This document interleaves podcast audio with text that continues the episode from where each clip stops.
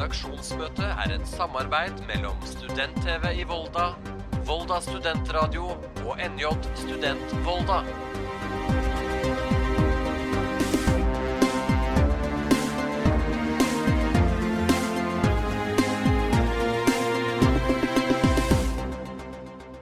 Hei, og velkommen til redaksjonsmøte. Tusen takk. Tusen takk. Tusen takk. I dag så har vi besøk av eh, journalistene bak eh, podkasten Purk eller skurk. Eh, og eh, ja, Runar, du er jo tidligere Volda-student. Hvordan eh, var det å komme til Volda igjen? Utrolig hyggelig å være tilbake. Det, man føler seg veldig gammel når man blir invitert tilbake på en sånn en seriøs Du er veldig gammel. Men eh, jeg gikk tre år i Volda, og det var faktisk noen av de beste årene i eh, livet mitt. Det var de tre årene jeg ble voksen. Tok litt tid. Og så var det de tre årene der man lærte det man skulle jobbe med resten av livet. Så det, for meg var det helt topp, altså. Runar er litt nedpå, men har gleda seg veldig. Veldig. Ja. Det er veldig kjekt å høre. Det er bra. Hva var det som var så bra med Volda, syns du? Husker du da jeg fikk vite at jeg hadde kommet inn i Volda, så slo jeg opp i Atlas. Det her er noen år siden. For jeg måtte finne ut hvor Volda var. Og så hiver man masse folk sammen i en liten bygd. Ingen kjenner hverandre. Så alle starter på en måte på scratch. da. Ingen har noen eh, fordeler, alle er like. Og så må du bare bli kjent med folk, samtidig som du flytter hjemmefra og kan utforske verden, og begynne på en veldig bratt læringskurve innenfor eh, journalistikken, der jeg var helt blank. Så det var eh, veldig mye samtidig, men eh, det gikk bra. Dere gjør jo noe som er veldig riktig. Altså for, for oss som har vært så uheldige å studere journalistikk andre steder. Vi er jo litt misunnelige på hvor voldsomt folk fra Volda skryter av dette stedet. Og hvor kule de ofte er. Ja, Det, ja, men det er en stor forskjell på folk som kommer fra Volda og no offence Bodø. Ja, eh, og, og litt av greia er jo at det kommer så mye TV-folk eh, herfra som er så høye på seg sjæl. At de høres og synes så voldsomt at man, eh, man får jo veldig forhåpninger og forventninger til dette stedet. Så vi gleder oss også veldig over å være her. Det er veldig kjekt å høre. Dere, eh, Martin og Irina, eh, hvor eh, har dere eh, bakgrunn, journalistisk bakgrunn? Hvor studerte dere? Jeg gikk på Høgskolen i Oslo.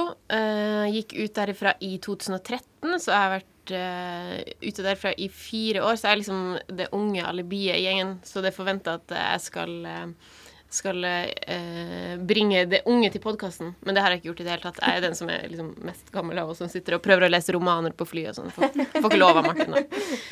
Eh, men jeg gikk på Høgskolen i Oslo. Jeg gikk i Bodø. Norges beste journalistutdanning. Og nå jobber jo dere i NRK. Eh, hvordan har veien gått fra å studere journalistikk til å ende opp eh, der? Det gikk eh, veldig fort. Det gikk altfor fort. Eh, tenker jeg er litt sånn råd til folk at må ikke begynne i NRK med en gang, for da blir det det. Eh, både Volda og Bodø, sikkert også Oslo. Oslo Ja. på et eller annet rart vis, har jo ganske bra connection med NRK-kontorene, særlig i, i distriktene. Sånn at eh, er man litt eh, ivrig der, så, Vi har vel eh, alle tre vært i praksis i ulike DK i NRK. Praksis på DK, jobbe og slite, gjør alt, lær masse på kortest mulig tid, få fast jobb, slapp av. Høres ut som en eh, fin oppskrift. eh, men hvordan omstiller man seg på en måte fra det å være student til å eh, gå inn i NRK da, og liksom få jobbe med saker som dette? Jeg tror at det er litt viktig å ikke være så annerledes. At du, for dere, når dere nå lager radiosendinger og TV-sendinger, så tør dere litt eh, mer enn veldig mange tør når de begynner i NRK. Men eh, det er jo en grunn til at man vil ha unge folk eh, inn i redaksjonene. Det er fordi man vil ha unge lyttere og seere. Og da må dere fortsette å lage saker kult. Ikke drive og lage kjedelige saker om reinsdyr og veisalting.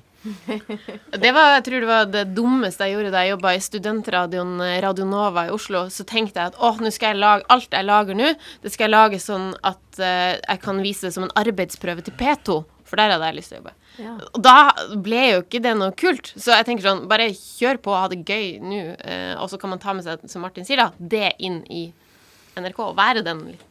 Pluss tror jeg det er viktig å starte et sted der du fra første dag blir sendt ut for å lage saker. At terskelen for å få på saker eh, er lav. At du ikke f.eks. begynner i Dagsrevyen da, og så er du der i praksis, så er det ganske vanskelig å få på en sak. Men hvis du begynner et annet sted der de trenger folk og trenger saker i en helt annen grad hele tida, i hvert fall det som skjedde med meg, ble sendt ut første dagen og hadde sak på radioen den dagen. Lagde sak om Therese Johaug, husker jeg. Eh, da Nei, Therese Johaug, det kan det ikke ha vært. Hun var veldig ung da. Samme det. I hvert Du fall rett, gammel. Rett ut, lag saker og lær deg å jobbe. Og så når lønna kommer, så er det veldig morsomt. da. Ja. Og så er det litt det der å kline litt til eh, i starten. eh, og også benytte sjansen som dere har på journalistutdanninga med å lære dere teknikk. For nå er veldig stor del av jobben teknisk. Eh, at man har det i bånn. At man gidder å liksom sitte oppe på kveldene og ha det inne. Sånn at man ikke bruker praksisperiode og sånn på å lære seg det. At, eh, og det er eh, Da har man et kjempefortrinn. Fordi hvis man skal lære seg mange ting når man er godt voksen, så tar det mye lengre tid. Nå er det ganske kjapt å både kunne filme og redigere og skrive og ja. Du blir veldig attraktiv hvis du Jo mer du kan, jo mer attraktiv, attraktiv blir du. Og det er jo veldig kamp om plassene nå, så stå på og lær dere alt dere kan. Og så er det litt viktig å være veldig ja-fase.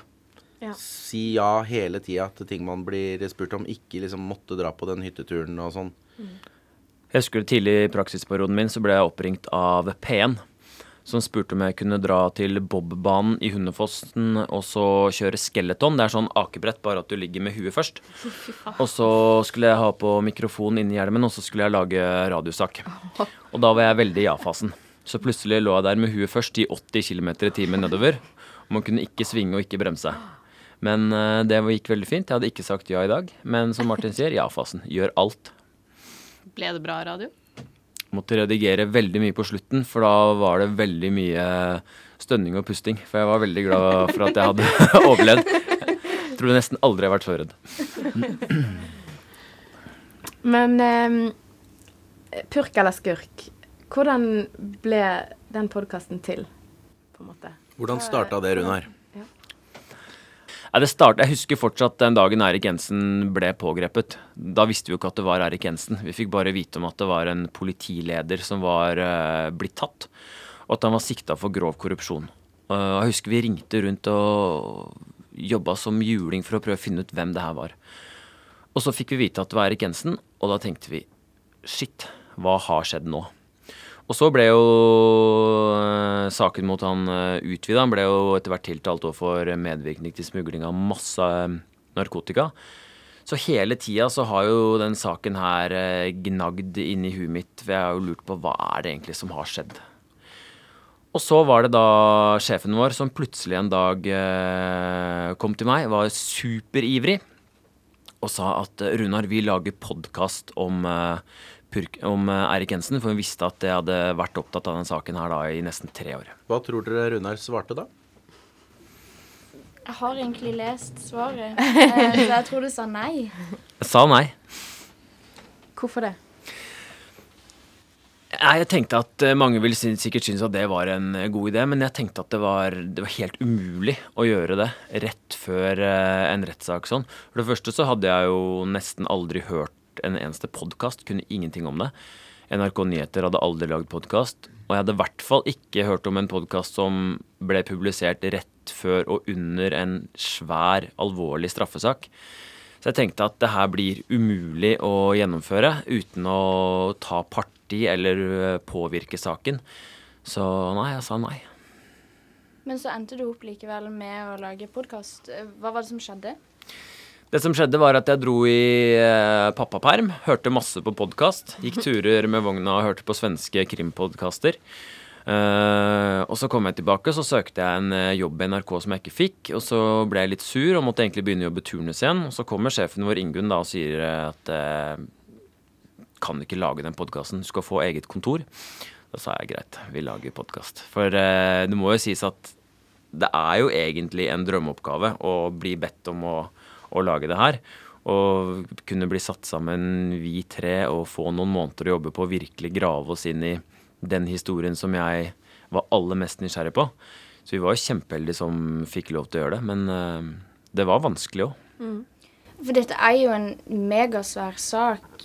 Hvordan, hvor begynner man som en journalist? Eh, hva er det første man gjør å gripe tak i? Første man gjør, er å ringe Eirik Jensen og spørre om han vil være med. For jeg tenkte at hvis vi skulle kunne klare å lage det her, så måtte i hvert fall han stille opp. Men han sa jo nei, da.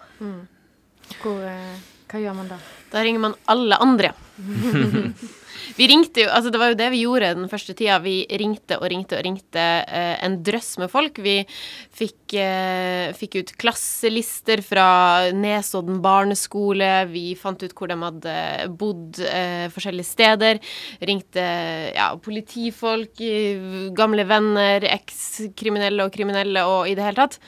Eh, men det var jo absolutt ingen som ville Nei. Snakke. For da vi begynte å lage det her, så var det jo skrevet eh, mange tusen artikler om Eirik Jensen. Så vi måtte jo prøve å fortelle en helt annen historie som folk ikke hadde hørt før.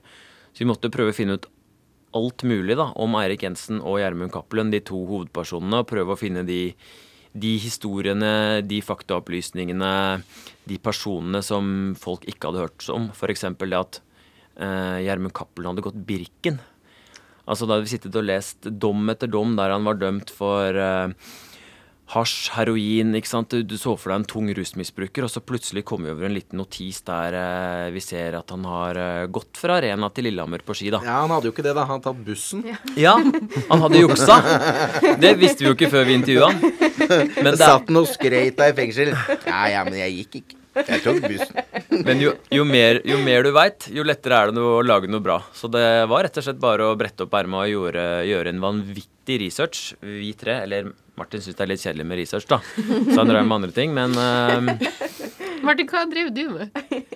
Jeg tenkte litt større enn dere. På hvilken måte? Nei, mens disse do, to da satt og gravde seg ned i klasselister, så tenkte jeg litt hva dette skulle handle om, og hvordan det skulle fortelles. Eh, og litt komboen av det er nok det som har funka. Fordi at én ting er å liksom vite litt Én ting er å på en måte prøve å finne brikkene, men du bør også vite hvordan du skal fortelle en så lang, svær historie. Sånn at, eh, at nøkkelen i det her var egentlig å finne ut hvordan du skulle fortelle det. Fordi at måten vi fortalte det på, var løsningen på hvordan vi fikk tak i folk. Det endte jo med at, eh, at vi følger Runar på, på veien. Og da da er det litt sånn opp til tilfeldigheter og dyktighet og talent, eh, om man klarer å få tak i det. Men hvis du da først bare setter i gang og reiser ut, eh, så skjer det noe. Jeg er jo veldig streit, ikke sant. Jeg så for meg at det her skulle bli en sånn klassisk radiodokumentar. Veldig seriøs, eh, kanskje litt kjedelig. Mens Martin så for, at, så for seg at det her skulle bli eh, et talkshow. Sånn morgenshow eh, på Radio 1-typ. Og jeg syns jo det var helt Jeg ble jo så sint da han sa det, ikke sant. Og vi krangla litt i starten. Vi var fryktelig uenige om ting. Fordi Ja, for det med ikke sant, et talkshow, det er ikke sant, det, det er én idé. Mm. Mens det gjelder bare å pepre opp med ideer eh, Mm. for å finne den tingen som funker. Og vi hadde ikke peiling på hvordan vi skulle lage det, men til slutt, via disse uenighetene og de eh, etter hvert konstruktive diskusjonene, så fant vi jo formen. Og, men uten de rundene så hadde vi ikke klart det, tror jeg. Ja, og det var jo hele nøkkelen til å finne ut hvordan vi skulle komme oss videre. Og liksom systematisere arbeidet og i det hele tatt finne en form. Fordi ingen av oss har laga podkast. Jeg har hørt masse på radiodokumentarer, jeg har hørt masse på podkast, men jeg ante ikke hvor vi skulle gå. Så at eh, Martin hadde noen eh, litt større tanker, var egentlig veldig gull verdt. Altså. Men det er egentlig ikke så annerledes eh, å lage podkast enn vanlig historiefortelling. Eh, det er bare at eh, det er ikke så vanlig at vi lager det i så mange deler. I hvert fall ikke vi som nyhetsjournalister i TV og radio. Da er vi ofte ferdig etter en sak og en oppfølging. Mens her var det litt viktig å tenke hvor skal vi til slutten? At ikke det liksom er ferdig hver gang, for da er det kanskje ikke så gøy å henge på, da. Pluss at uh, situasjonen var jo at ingen ville snakke med oss. Vi fikk jo ingenting på teip. Og etter hvert som dagene og ukene gikk, og deadline nærma seg eh, med stormskritt, så tenkte vi at hvorfor ikke da bare vise at det er vanskelig, da. Ja. Og vise at det er trøblete, istedenfor å sitte på kontoret og være deppa. Mm. Så ta med lytteren inn i den jobben vi gjør, og ut på den der eh, reisen vi hadde da, den jakta etter informasjon. Mm.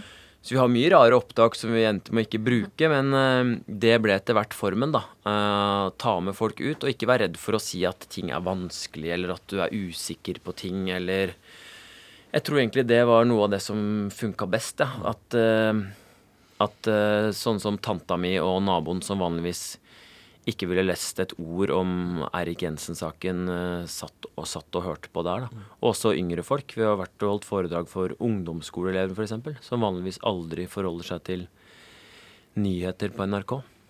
Men det er, noe, det er noe som eh, Det er noe som skjer når man bare gjør noe. Bare drar ut og gjør noe.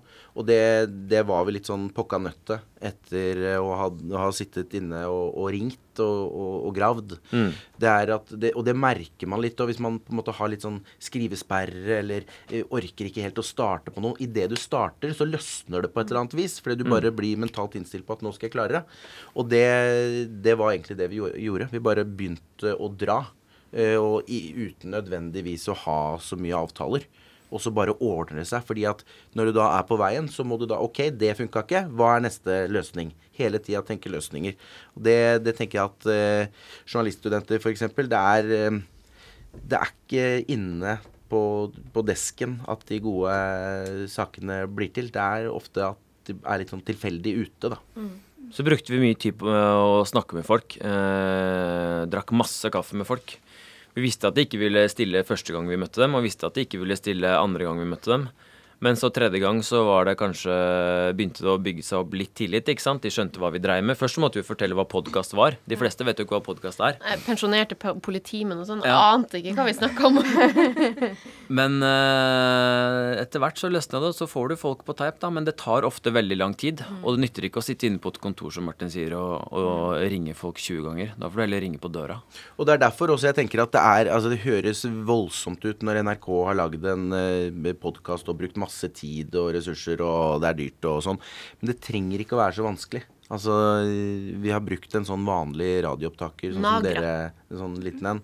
Og det er That's it. Altså, det er rett og slett Det er sjæl. Dra ut, gjør noe, og så hvis man har litt sånn historiefortelling i, i bånn da, og er litt flink til å klippe sammen, så trenger ikke å være så vanskelig.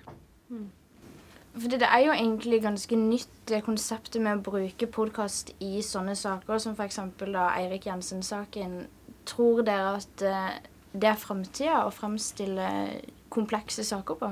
Jeg tror i hvert fall det er en veldig fin eh, måte for lytteren, eller for publikum, da, å, å følge en sak. Og det er jo det vi har fått mye tilbakemelding på, er jo at folk syns det er litt sånn deilig å kunne eh, følge podkasten, høre kanskje 45 minutter, istedenfor å sitte og følge med på absolutt alle saker og sette seg inn i liksom Og en magasinsak der, og så har du en TV-sak der, og så Det blir så fragmentert. Så det er liksom deilig å bare ha et sted der du får essensen. Og det tror jeg kanskje at mange ja, har lyst til eh, i framtida òg. Men du må treffe på sak. Vi valgte den riktige saken. En kjempesvær sak som har et enormt pot- potensial der ute hvis, den, hvis du får folk på kroken. Da. Eh, mange saker hadde vært umulig å dekke på den måten, men det her er en eh, straffesak. Ingen har blitt, eh, ingen har blitt drept. Altså det er Ja. Det er på en måte enklere sånn sett. Og så um, hver dag fra retten så er det jo det er live-referater, ikke sant. Både på NRK, VG og Dagbladet TV 2. Det sendes direkte hele tiden. Det skrives tusenvis av meter med tekst hver eneste dag. Så når du uh, skal sette deg i sofaen om kvelden og prøve å finne ut hva har skjedd i retten i går og i dag, så er det så innmari mye som har skjedd. Så det funka, tror jeg var en av de tingene som funka best. At folk ikke orka å følge med på alt, men de kunne trykke på play på podkasten, og så følte jeg at de hadde fått med seg det viktigste, da. Ja. Og det er jo noe av det jeg syns har vært kulest med å jobbe podkast kontra TV. For når, når du jobber TV, så setter du deg inn på redigeringsrommet, så ser du kjapt gjennom bildene, og så vet du at bildene styrer hva du kan fortelle. Men på podkast og radio selvfølgelig så kan du jo skape de bildene selv. Så det er en helt annen mulighet for å drive historiefortelling enn det man er vant til eh, på TV. Og så er det selvfølgelig et annet format. Lager du 1.30 til Dagsrevyen, så rekker du nesten ikke å si noe. Mens her kan du ta med folk eh, skikkelig på tur, da. Og så har vi eh, Har vi nok vært litt lure også med den podkasten her. At vi ikke bare har lagd podkast. Vi har også lagd alle disse småtingene rundt eh, med nyhetssaker både her og der, og videoer på Facebook. Og vi har tenkt litt hvordan vi skal eh, At ikke Vi har tenkt sånn at ikke ikke podkasten skulle gjemmes bort. Eh, og det har ført til at folk har fått vite om den, og så har også dette blitt sendt som et radioprogram. eh, sånn at vi har på en måte prøvd å spre det så godt som mulig. Fordi podkast er i seg sjøl litt sånn vanskelig. Det er, vi tror det er litt smalt. Vi tror kanskje at det er folk som bor i store byer, som hører på det. Og så vet vi ikke helt, fordi at uh, Apple er litt uh, gjerrig med å gi lyttertall. Ja. Men det er jo noe som altså Litt apropos det å komme Dere spurte om det med å komme inn i NRK og hva burde man gjøre og sånn. Og der er jo noe av det som har vært viktig i arbeidet med podkasten, er jo nettopp det at vi har ikke bare laga podkast. Vi har sjøl kunnet lage andre ting òg. Og det er jo utrolig viktig å liksom være, ha kompetanse på flere områder. At vi kan lage TV-sak, og vi kan lage radiosak, og vi kan lage zoome ting og vi kan skrive Excel-saker på nett. Altså, ikke sant. Det er Ja. en pakke, da. Og det må man jo nesten ha, i hvert fall når du jobber i nyhetene. Tror jeg er lurt. Og så kan podkasten være litt mer personlig, for mens eh, radioen står og surrer på kjøkkenet mens du vasker opp, så funker det litt annerledes på podkasten. Du tar på deg headsetet, og så trykker du på play. Så blir det en mer personlig historie, da. Vi har tenkt på det at vi skal fortelle den historien til hver enkelt der ute som sitter og hører på. Og det har vi aldri gjort før. Men det var innmari kult. Og det er også ting man nesten må ikke må glemme når man eh, går ut fra journalistutdanninga. Eh, fordi at Eller egentlig, man må glemme litt hva man har lært på journalistutdanninga. Fordi at man blir oppdratt til å være så nøytral og glemme seg sjæl og stå i bakgrunnen, og det er intervjuobjektet som er stjerna. Det er intervjuobjektet som er stjerna, men glem litt alt det andre, altså. Altså, ikke glem å være kreativ og ha det morsomt på jobb. Og veldig ofte, de tingene som blir trukket fram som de virkelig gode sakene, der har reporteren ofte brukt seg sjæl. Så ja. ja. Har dere noen gang vært redd under arbeidet? Altså sånn når dere skulle intervjue, eller på en måte Dere har jo vært f.eks. i det motorsykkelklubben, og dere har snakket med mange på en måte fra ulike miljøer, da. Har dere på en måte følt på det som journalister? at Se nå på de her guttene, de er så tøffe. ja, men det er ikke så skummelt å være på MC-klubb, skjønner du. Fordi der serverer de vafler med rømme og syltetøy, og der er det egentlig Så lenge du oppfører deg på MC-klubb, så er det mer som å være litt sånn eh, Litt sånn ungdoms, på ungdomsfest. Det er ganske Ja, altså, enkle vi, har forhold. ikke, vi har ikke oppsøkt noen uh, skumle miljøer i det hele tatt. Okay. Og det er litt sånn Man må ikke være for redd, da. Uh, den MC-klubben vi var hos, det er jo familiefedre og helt vanlige folk. Uh, og de, han ekskriminelle vi møtte, det er en småbarnsfar som jobber forebyggende mot doping og rus, ikke sant. Og så har, møtte vi en tidligere MC-leder som nå har blitt countryartist, så han har jo på ingen måte vært redd eller oppsøkt Men jeg må innrømme at jeg satt Altså, Runar har jo masse krimerfaring og vært krimjournalist i mange år, så han er litt cool about it. Men jeg som ikke har det, F.eks. for eksempel da jeg dro og møtte en, en eks-politimann eh, på en kafé, um, bare for å ta en kaffe og prate litt. Han jobba med Erik Jensen for mange år siden. Og så begynte han å snakke om litt sånn gamle dager og hvem som var store i miljøet og sånn. Og så fortalte han om en gammel torpedo da, som, eh, som hadde vært involvert i noen saker, og som var visstnok veldig sint på Erik Jensen. Eh, og så prater han om han, og så sier han eh, Ja, du, jeg, jeg kan bare ringe han. Jeg bare sånn, ja, ja, ok, ja. Så, så ringer han, da. Eh, og så har han på høyttaler, ringer han torpedoen. Og torpedoen sier da at ja, men du, jeg er jo, jeg er jo rett borti strøket, jeg bare kan, kan bare komme innom. Og da kjente jeg litt sånn, for jeg er ikke krimjournalist, så for meg å bare liksom Å ja, skal ta en kaffe med torpedoen. Da syns jeg det var bitte, bitte litt skummelt. Men han var jo den koseligste fyren, da. Satt og spiste rundstykker med brunost og drakk kaffe, og det var bare trivelig, det. Jeg tror ofte at hvis du oppfører deg ordentlig, så kan du som journalist eh, snakke med de aller fleste. Men eh, det som er faren, er hvis man eh, ikke holder avtaler og gjør litt sånn uh, sleipe ting. For vi kunne fort, på den MC-klubben, da, så kunne vi fort gått i baret hvis vi gjorde det vi egentlig hadde tenkt til. Eller det jeg egentlig hadde tenkt til. Eh, da var det en liten diskusjon i bilen der om vi skulle bare la opptakeren gå. For det var en ganske stor sannsynlighet for at de kom til å si nei til å bli med på et intervju. Men der var uh, gamle Volda-student uh, Jørstad på uh, merket, vet du. Det, det, skulle vi ikke. Skulle ikke ha noe skjult opptak der. og sånne ting, ikke sant. Det kunne jo kanskje blitt litt trøbbel, men ja.